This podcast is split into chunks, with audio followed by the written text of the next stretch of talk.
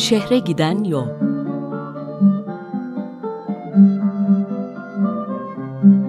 Bir İstanbul programı.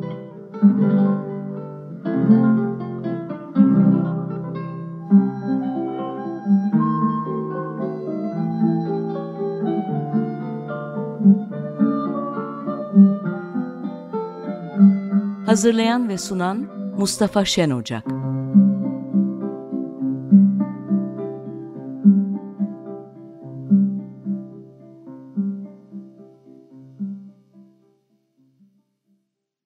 Efendim günaydın. İstanbul her zamanki gibi tuhaf iklimini sürdürüyor. Senelerdir yapmadığı bir kışı yaptıktan sonra yine hiç de ayına yakışmayan bir ilkbahar geçirdik. Şimdi yeniden herhalde kışlığı aklına geldi ki havaları yeniden e, soğuttu. Ama bundan sonra ne olacağı bilinmez. O 1986-87'lerde Mart ayında 20 gün kardan sokaklara çıkamadığımızı da hatırlatmak isterim. Evet Bizans'la yolumuza yine her zamanki gibi başlangıçta devam edeceğiz. Bizans'ın sonu yaklaştı merak etmeyin. Herhalde bir iki haftaya kadar şehrin zaptı yakındır. Geçen hafta Bizans'ın bizden önce Latinler tarafından işgal edilmesinde kalmıştık 1204 yılında.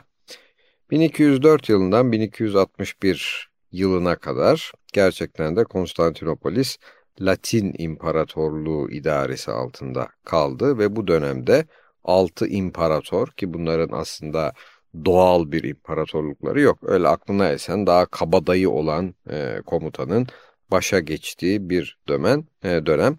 6 imparator bu karanlık e, süreçte Konstantinopolis'te hüküm sürmüşler. Geçen hafta değinmiştik. Bunlardan ilki Flandrlı Buduen. Sonra e, daha sonra işi neredeyse hanedan haline dökecekler ve bu geçici imparatorluğun son imparatoru da ikinci Buduen olacak. İlginç. Bu dönem, bu 57 yıllık dönem hiçbir üretimin yapılmadığı sadece talanla geçinilmeye çalışılan bir dönem doğal olarak hiçbir yapım etkinliğinde de bulunulmuyor. Sadece bazı kiliseleri, Ortodoks kiliselerini Katolik kilisesi haline dönüştürüyor Latinler. İşe yarar her şey talan ediliyor. Hatta son imparator ünlem Buduen kilise ve kamu yapılarının çatı kurşunlarını, çatılarının ahşap iskeletlerini bile söktürüp sattırıyor. O arada Bizans İmparatorluğundan kaçan yönetim kademesindeki vatandaşların bir kısmının e, Trabzon'da bir Pontus İmparatorluğu, diğer bir kısmının da İznik'te bir Nikai İmparatorluğu kurduğundan söz etmiştik. Bu İznik'e kaçanlar da söz konusu 57 sene esnasında İstanbul'un Latinler tarafından işgali süresince 5 imparator geçiriyorlar. Bunlardan beşincisi 8. Mikael Paleolog daha sonra yeniden Konstantinopolis'in fethine mazhar olacak. Bu 57 sene esnasında başka olan şeyler Doğu ve Orta Anadolu Türklerin eline geçiyor. Avrupa'daki Bizans'a ait tüm topraklar yitiriliyor. Ege adaları küçük prenslikler haline geliyor. Bizans adı altındaki tüm ekonomik ticari etkinliklerde Venediklilerin ve Cenevizlilerin eline geçiyor. İznik İmparatorluğu bu 57 senelik varlığı süresince nasıl etsem de Konstantinopolis'i yeniden ele geçirsem diye hep fırsat kolluyor.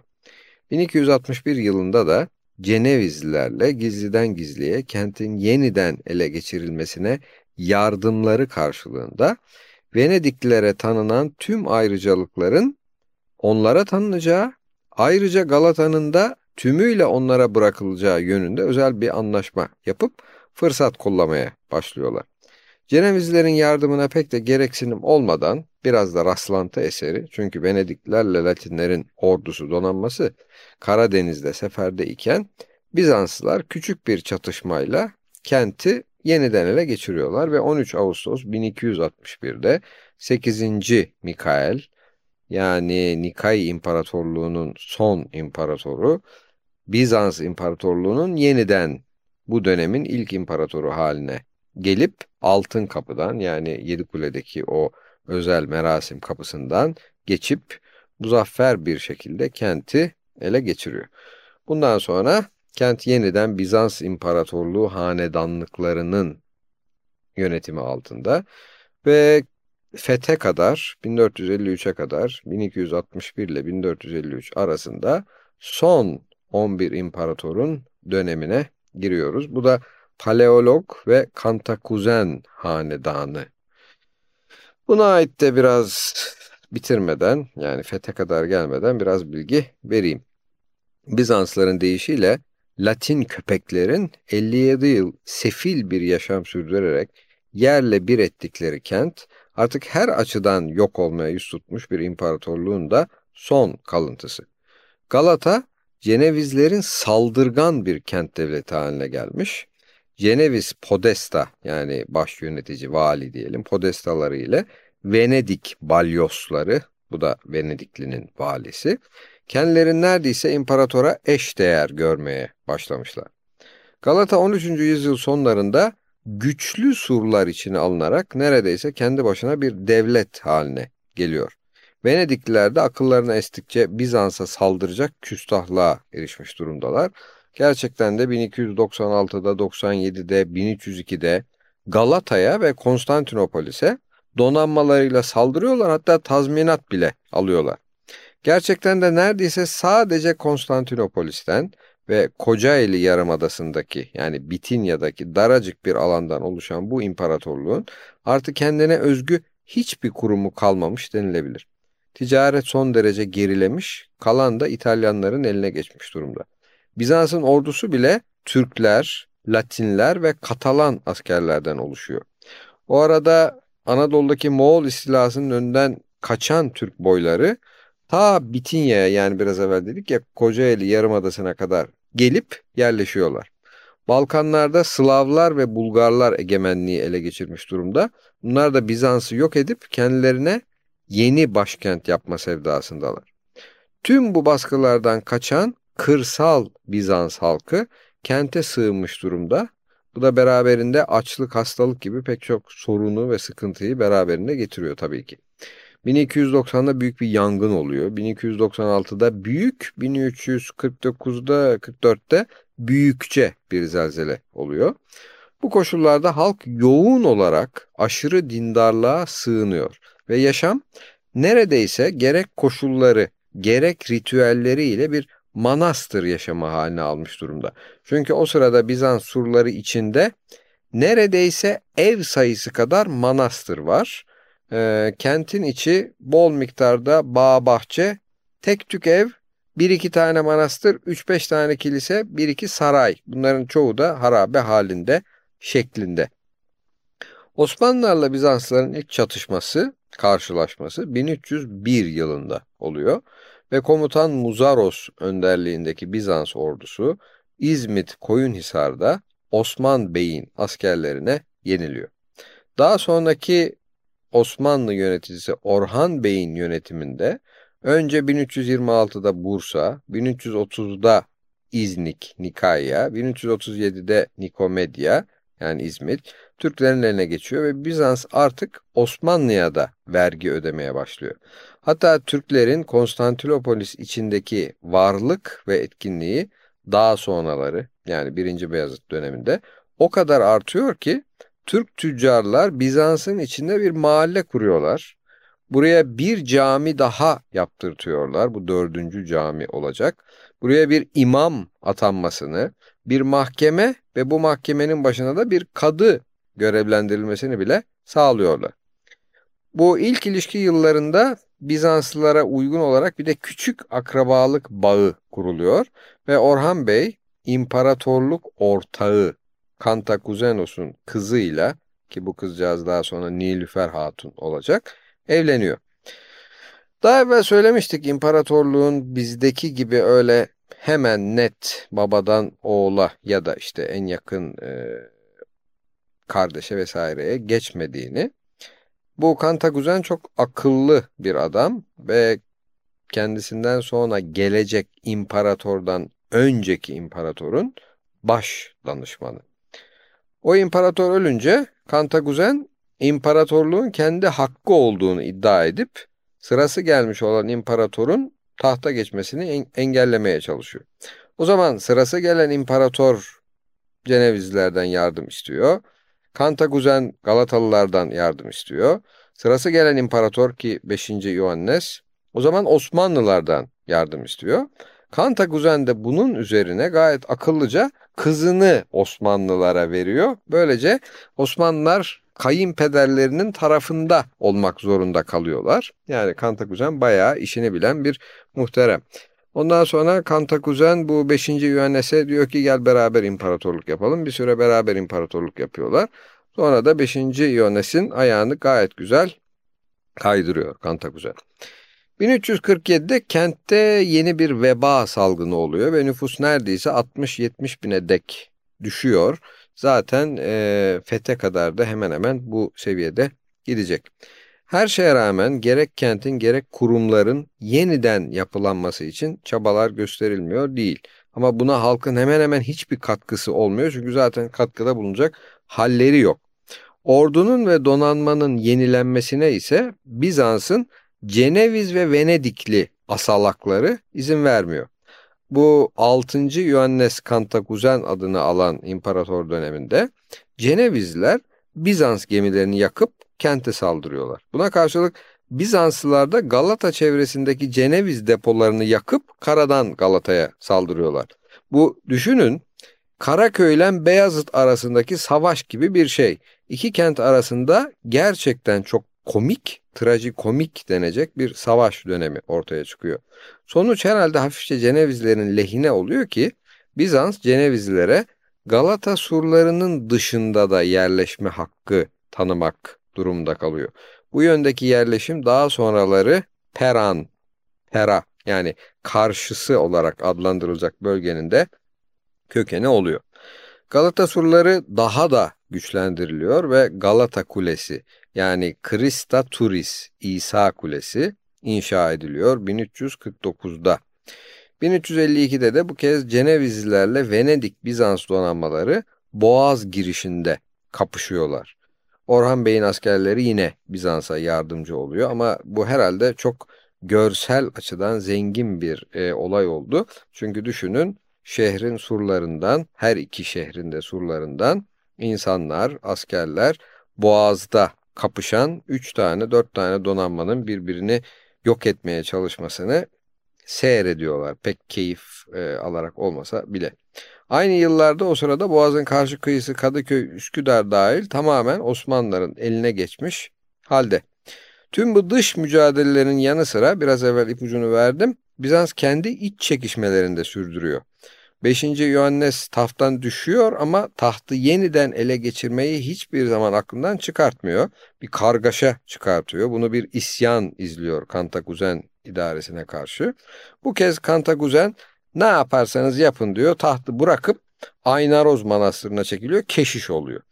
Burada ölene kadar yazdığı ve son 40-50 yılın olaylarını içeren Historia adlı eseri dönemin tarihine ilişkin en önemli kaynak eserlerden birisi olacaktır. Bu arada Osmanlılar Rumeli'ye de geçiyorlar. 1. Murat yönetiminde 1361-89 arası Edirne'yi, Gelibolu'nu, Selanik'i fethediyorlar. Trakya'da Konstantinopolis hariç tüm toprakların sahibi oluyorlar. Hatta Bizans İmparatorluğu'nun yönetimi üzerinde de örneğin taht adaylarını rehin tutma şeklinde bir etki gösterir durumdalar. Gerçekten de sonraki imparator 2. Manuel Paleolog tahta geçmeden önce hatta Konstantinopolis'e kaçıp tahta geçmeden önce Bursa'da Osmanlıların rehini ilginçtir. Evet bugünlük Bizans'ı burada keselim ve keyifli bir türkü dinleyelim. Telgrafın tellerine kuşlar mı konur? Şimdi bu haftaki semtlerle ilgili bölümümüzde daha evvelki haftadan borcumuz kalan Bakırköy'e devam etmeyi düşünüyorum. Ancak bunu eğer vakit kalırsa programın sonuna aktaracağım. Vakit kalırsa diyorum çünkü önümde size okumak istediğim, hazırladığım başka bir bilgi var. O da Haliç'teki altın boynuzdaki köprüler. Ee, bu yazının hazırlanmasında kaynaklara erişmede çok büyük yardımı olan Mustafa Güner'e hasreten teşekkür ediyorum. Ayrıca bu tür yazıların sizin eğer kaçırdıysanız ve de yeniden ayrıntılı olarak gözden geçirmek istiyorsanız gözünüzün önünde hatta bazen bir takım fotoğraflarla zenginleştirilmiş olarak gözünüzün önünde olması için bunları olabildiğince Açık Radyo'nun sponsorluğunu da yapan açık siteye katmaya çalışacağız. Evet, gelelim Haliç'teki köprülere. Şimdi buralara ilk yerleşen Megaralıların Kirosokeras yani altın boynuz dedikleri bizim de Arapça cep manasına geldiği üzere Haliç dediğimiz özel koy kentin iki yanına yerleşmesi ve gelişmesiyle zorunlu bir gidiş gelişe sahne oluyor.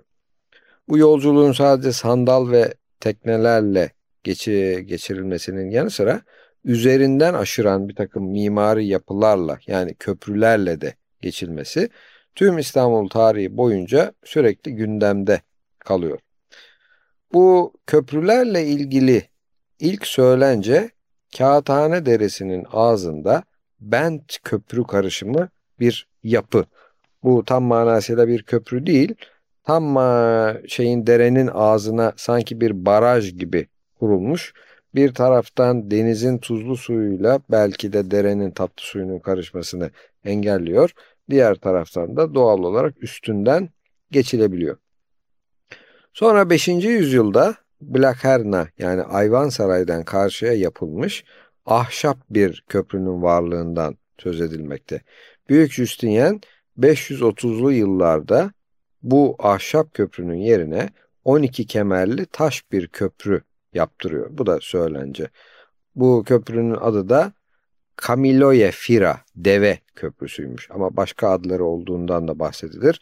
Birisi Justinianus köprüsü gayet doğal olarak. Diğeri Aya Kalinikos, bir diğeri Aya Panteleinon köprüsü. Tüm bu yapılardan fetih dönemine dek ayakta kalan olmamış.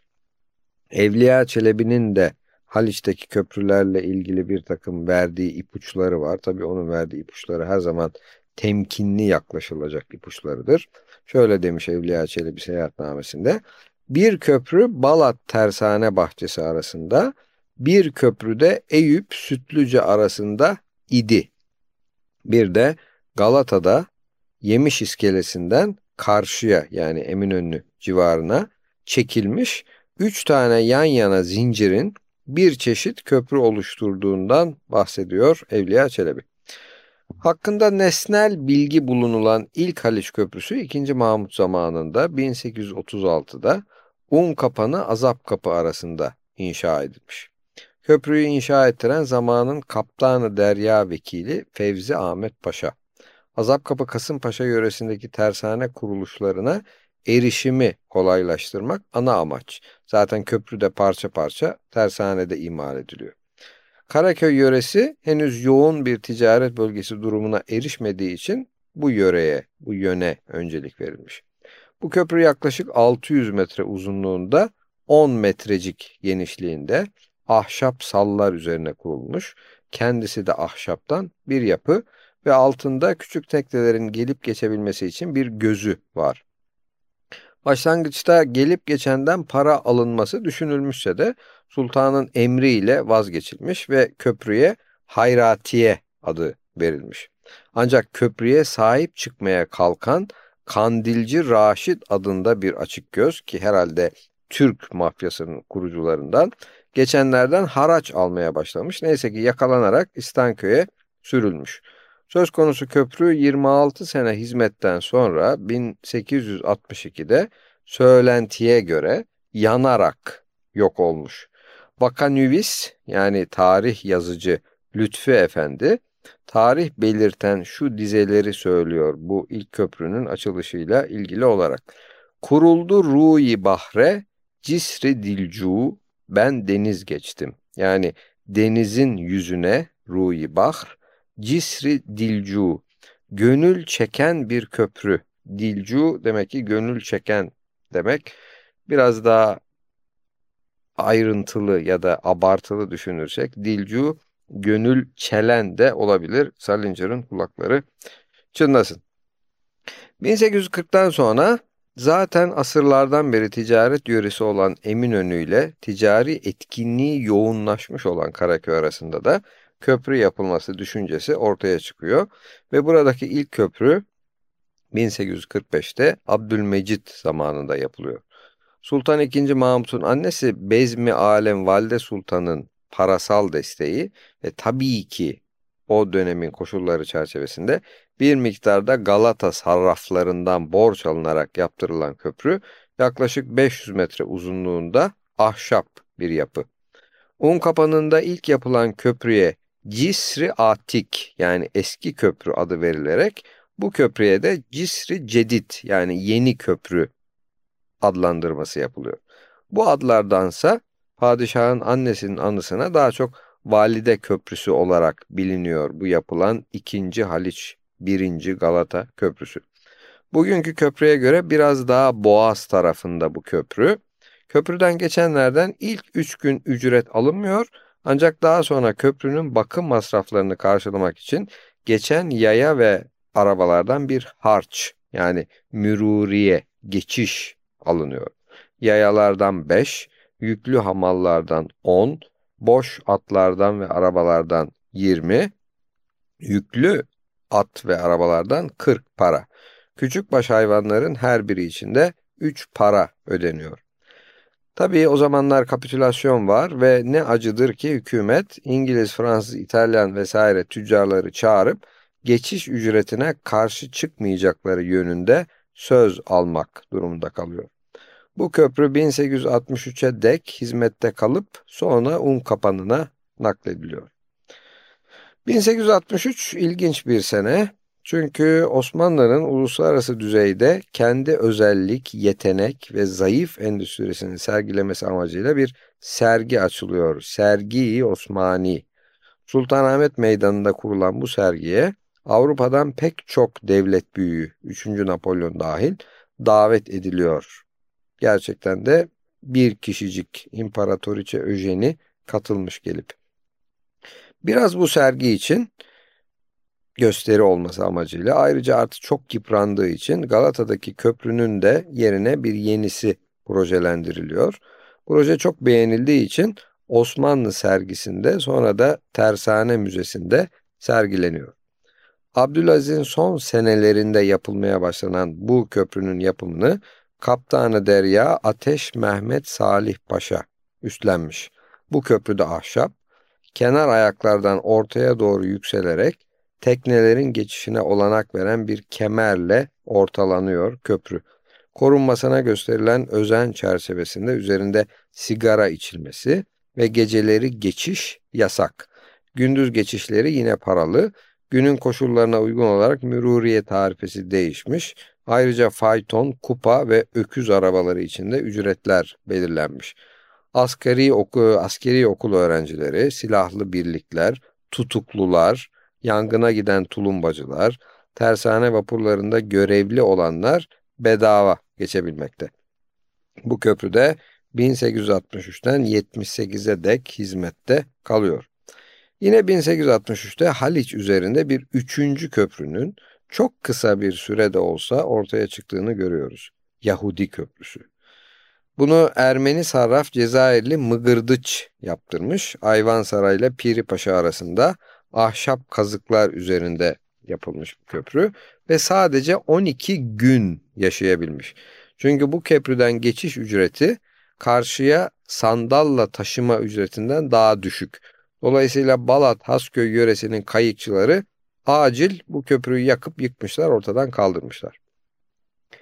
İkinci Galata Köprüsü de ahşap olması nedeniyle çabucak yıpranınca Abdülaziz bunun yerine hedid yani demir bir köprünün yapılması için buyruk veriyor. Nafa Nazırı yani Bayındırlık Bakanı Ethem Paşa bir Fransız şirketiyle 1870'te bir anlaşma yapıyor ve proje çalışmalarına başlanıyor. Ancak 1871'de Almanya-Fransa savaşı çıkınca bu köprünün projelendirilmesi duruyor. Bu aralar bir de İngiliz şirketiyle 1875'te Un kapanında yeni bir köprü inşası için 99 bin altın liralık bir anlaşma yapılmış. Galata'da yapılması planlanan köprünün inşaat işlemleri durunca İngiliz şirketi diyor ki bu inşa ettiğim köprüyü daha da uzatalım, Eminönü Karaköy arasına yeniden yapayım, hazırlayayım. Tabii bu planda değişiklikler getiriyor, ödeme sorunları getiriyor, rıhtım inşaatında aksaklıklar getiriyor. Böylece hem fiyat hem süre uzuyor. Hatta bitmiş köprünün montajı bile bir buçuk sene bekliyor. Yani yapılan köprüyü yerine koymuyorlar bir buçuk sene boyunca. Sonunda 6 bin lira, 6 bin lira fark veriliyor ve köprü 1878'de kullanıma giriyor. İlginçtir, köprüde vapur iskeleleri düşünülmüş ama yapımı unutulmuş. Biliyorsunuz ilk yapıldığında hani metro olarak önce adlandırılan sonra hızlı tramvay olarak adlandırılan Aksaray'dan şimdi işte Yeni Bosna'ya kadar uzatılan e, iletişim iletim ağında da çıkış bazı çıkışlar unutulmuştu. Bu yapım unutmada demek ki bizim millete has bir özellik. Bu unutulmuş iskeleleri yapma işi bir Ermeni ustaya veriliyor. O da eski sökülen köprünün bazı parçalarını iskele olarak yeni köprüye monte ediyor. Söz konusu köprü 480 metre uzunluğunda 24 duba üzerinde yer alıyor. Açılarak deniz trafiğinin geçişine de olanak veriyordu. Düşünün o zamanlar böyle bir köprü varmış açılabiliyor. Şimdiki köprüler açılmıyor. Uçlarda dükkanlar, lokantalar, kahvehaneler Eminönü tarafında, Haliç yönünde altları ızgaralı yani alttan denize giriyorsunuz. Deniz hamamları bile var. Bu köprü 34 sene Karaköy Eminönü arasında hizmet veriyor. Son zamanlarında teknelerin geçmesi için yapılmış olan kemerlerden biri çok esnediğinden upuzun iki servi ağacıyla destek yapılıyor köprünün gözünün üzerine. Bu Galata Köprüsü, 3. Galata Köprüsü doğal yaşlanmasının yanı sıra gözlerinin darlığı yüzünden teknelere çıkardığı zorluklar, üzerindeki dükkanların yolları darlaştırmasının getirdiği geçiş sorunları yüzünden yenilenmesi gereken bir durum da. Ancak iktidardaki 2. Abdülhamit her zamanki vesvesesiyle yeni bir köprü projesinde yer alabilecek dükkan ve mağazaların askere ateş açılabilecek siper yerleri olacağını düşünüp yeni ve geniş bir köprünün inşaatına bir türlü yanaşmıyor. 1908'de meşrutiyetin ilanından sonra İttihat ve Terakki Partisi'nin girişimiyle yeni bir köprünün inşa işi Almanlara veriliyor. Üzerine döşenecek tramvay hattıyla birlikte 250 bin altın liraya çıkan projeyi MAN şirketi üstleniyor. Böylece 1910'da başlayan inşaat 1912'de tamamlanıyor ve 27 Nisan 1912'de Padişah 5. Mehmet Reşat'ın 3. tahta çıkış yıl dönümünde bu yeni Galata Köprüsü'nün 4. Galata Köprüsü'nün açılışı yapılıyor. Eski köprüyle yenisinin yer değiştirmesi son derece ilginç oluyor. Çünkü eskiyi hemen tamamen söküp götürmüyorlar. İngiliz firması Haliç'in dibinde kara ağaçta dubaları hazırlıyor. Dubalar yapıldıkça parça parça römorklarla çekilerek getiriliyor. Eski köprüden bir parça söküp yeni köprü dubalarını monte ediyorlar. Ancak hem köprüler arasındaki yapısal uyumsuzluk hem de tam uç uca birleştirmenin olanaksızlığı yüzünden iki köprü arasında her zaman bir boşluk, bir açıklık oluyor. Bu açıklığı geçmek için de ikisinin arasına sürekli ileri doğru kayan geçici ahşap bir köprü yapılıyor. Yani ortada bir eski köprü var, bir yeni köprü var. İkisinin arasında bir de geçici ahşap köprü var. Bu dönemde yayaların atlayıp sıçrayıp karşıdan karşıya geçmeye çabalamaları herhalde tuhaf bir görüntü oluşturmuş. Köprülere devam edeceğiz bir aradan sonra. Bu Vasilis Saleas Mikis Theodorakis'in gerçekten muhteşem CD'si Litani'den Sihirli Geceyi dinleyelim. Yeni köprü yapılınca Onun eskiden yerinde bulunan eski köprü ki bence Haliç köprülerinin şimdilik en çilekeşi sayılabilir. Parça parça un kapanına çekilerek monte ediliyor.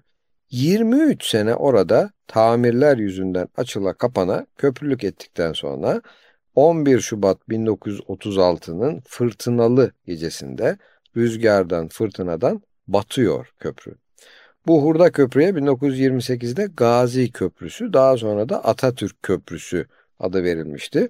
Battıktan sonra bile son kalıntıları olarak parmaklıkları Aksaray civarındaki parklarda bu çimenlik bölgeleri ayırmak için kullanılmış.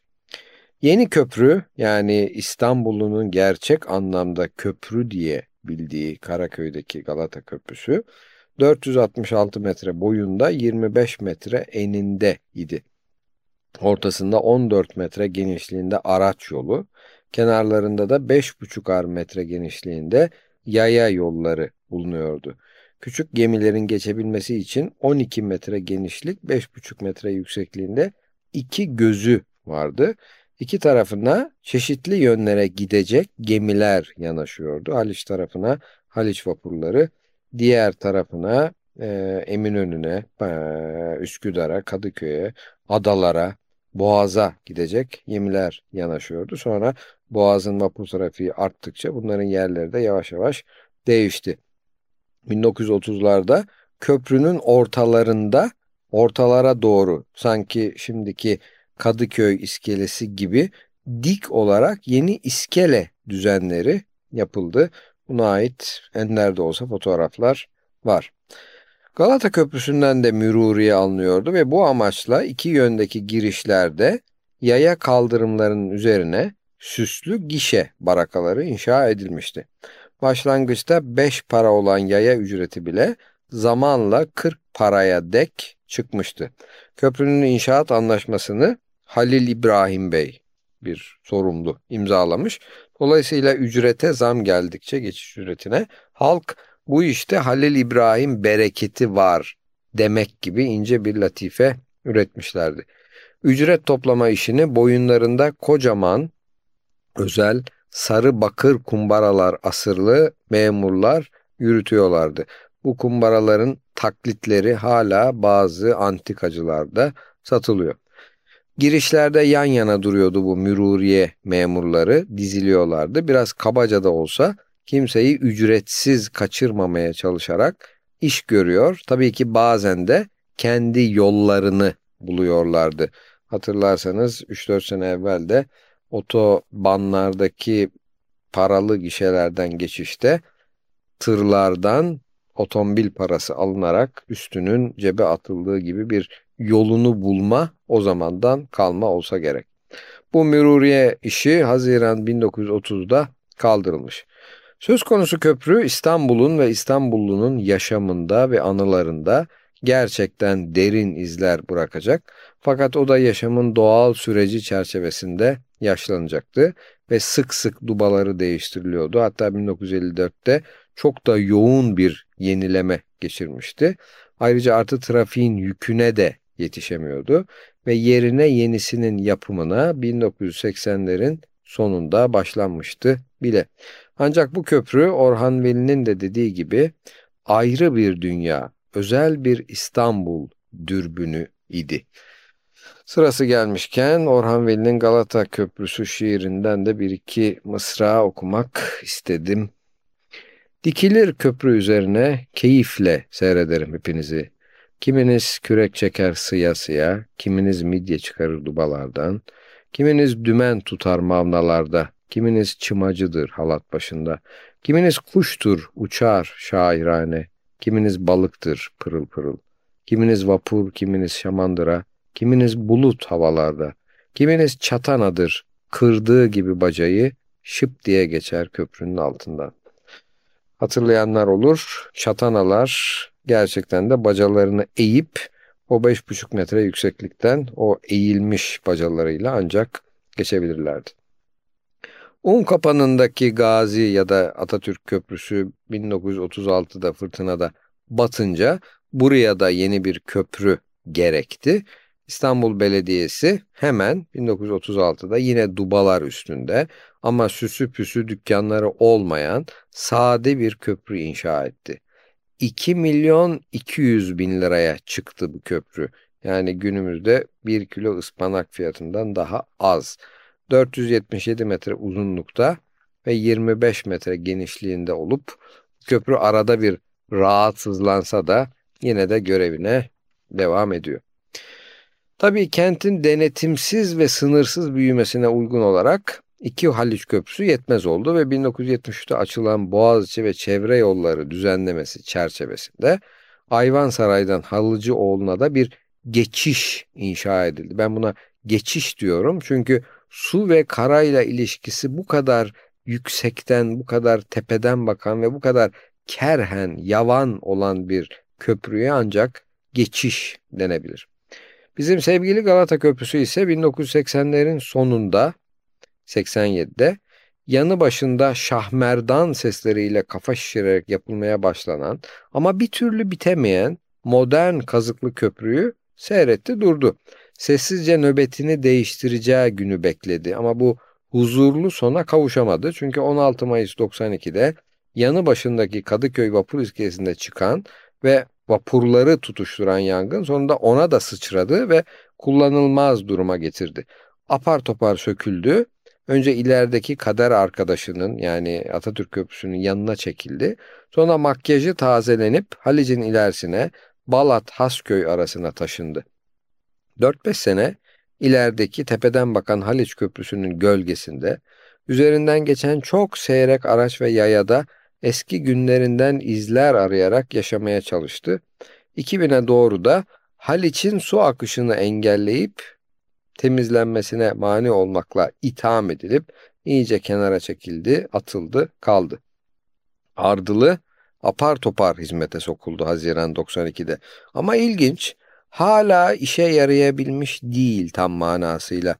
490 metreye yaklaşık 50 küsur metre genişlikle dünyanın sayılı büyük köprülerinden olduğu söyleniyor ama bir türlü yolları tam açılamadı, yaya yolları açılamadı, dükkanları hep terk edilmiş kaldı. Meşhur teknoloji harikası altından açıldığında tankerlerin bile geçebileceği basküllü kapaklar çalışmadı. Ama zaten ne yaparsa yapsın hiçbir zaman eski köprünün yüreklerdeki yerini alamayacaktı. Evet biraz keyiflenelim şimdi. Tamburi Cemil Bey'den Çeçen Kızı. Konu spektrumumuzu iyice genişletmeye karar verdim. Hatta bugün biraz eski yemeklere değinelim. Tabii ki Sermet Muhtar Alus'un ağzından. Şimdi nadirleşmiş, adı sanı bile unutulmuş yemeklerden bazılarını nakledelim ve baştan başlayalım. Düğün çorbası denilmesine rağmen mutlaka velime yani düğün ve sünnet cemiyetlerine, düğünlerine münhasır değil. Aklına estime yapanlar çok. İçinde kuşbaşı, yağlı yağlı lati lokum gibi yumuşak etler, topak topak olmaması için soğuk suda halledilerek karıştırılmış un, üstüne bol limonlu tebriye, daha üstünde yol yol tarçın. Haza mırmırık boza, kaşık atma, kaba koyup afiyetle lıkır lıkır iç. Tarhana çorbasının mideviliği, şifalığı, bilhassa kışın gövdeyi sıcak tutuşu kimce denenmiş değil. Gel gelelim her tarhana, hele Karamanlı bakkal çakkalın ki mutfağa sokulmaz. Bedava verseler alınmazdı. Zira katıksız unla, taze yoğurtla, biraz da halis et suyuyla, yani eşek meşek etinden değil, Temiz pak avuçlarda ufalanmış, sakız gibi çarşaflara serilip kurutulmuş olanına kanaat şart. Bunun içinde en önce kendi el yaptım diyerek satan köylü kadının kirli kukla, illetli kılletli yani hastalıklı özürlü olmadığına bakılır, göz tutarsa alınırdı. En makbulü Tekirdağlılarınki, pişirilmesi de kolay. Tarhanayı kaynar suda karıştır karıştır, salep gibi olunca kaseye boşalt, mis gibi Trabzon yağını kırmızı biberle yakıp üzerine dök, yağda kavrulmuş ekmekçikleri de boca, kaşıkla babam kaşıkla. Kulak çorbası pirohi ve tatar böreğinin sulusu. Şu farkla ki hamurları ensiz ensiz kesilmiş, kıyma veya peynir konmadan, benzetmek gibi olmasın, salyangoz şeklinde bükülüp, tekrar una bulanıp et suyuna atılmış ve unun kokusu çıkıncaya kadar kaynamış olacak. Üstünde gene tarhana misali kızgın yağ. Düğün etinin gerek manzara gerekse lezzetine benzer bir şey mi vardı? Ha kumral bir dilberin gelin sedirine yan gelişi, ha onun kayık tabağına yayılışı. Öyle halavetliydi. Tarife bakarsan bunun pişirilmesi de kolay mı? Kolay.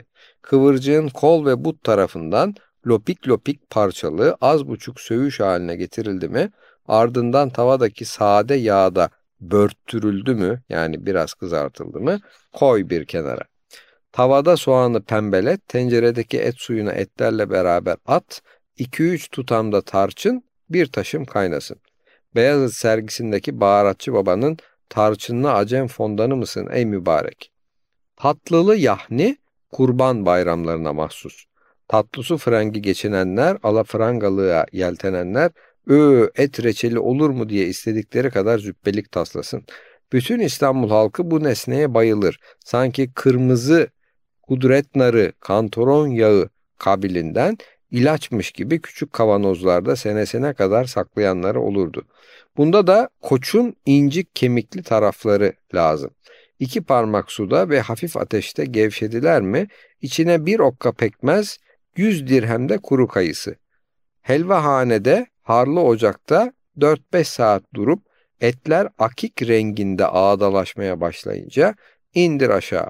Sahana aktarma edip parmaklarını daldır daldır ye. Lokma lokma ekmekleri ban, şişsin, yut.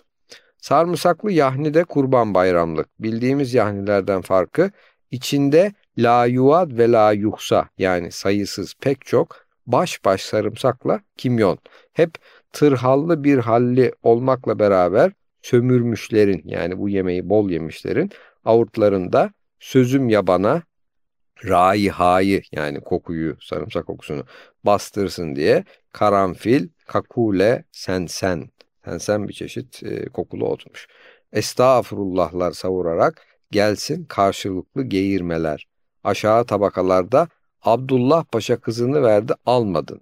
Getirin kazma kürekleri lafları. Evet bugünkü programımızı bitirelim. Telefonlar 212 296 23 89 e-mail adresi Açık Radyo'nun açıkradyo.com.tr ve benimki musukrus.yahoo.com idi. Haftaya yine sağlıklı olarak görüşebilmek dileğiyle Refik Talat Bey'in Mağrusas Semaisini Bal Arısı Ahmet'ten dinleyerek veda ediyoruz.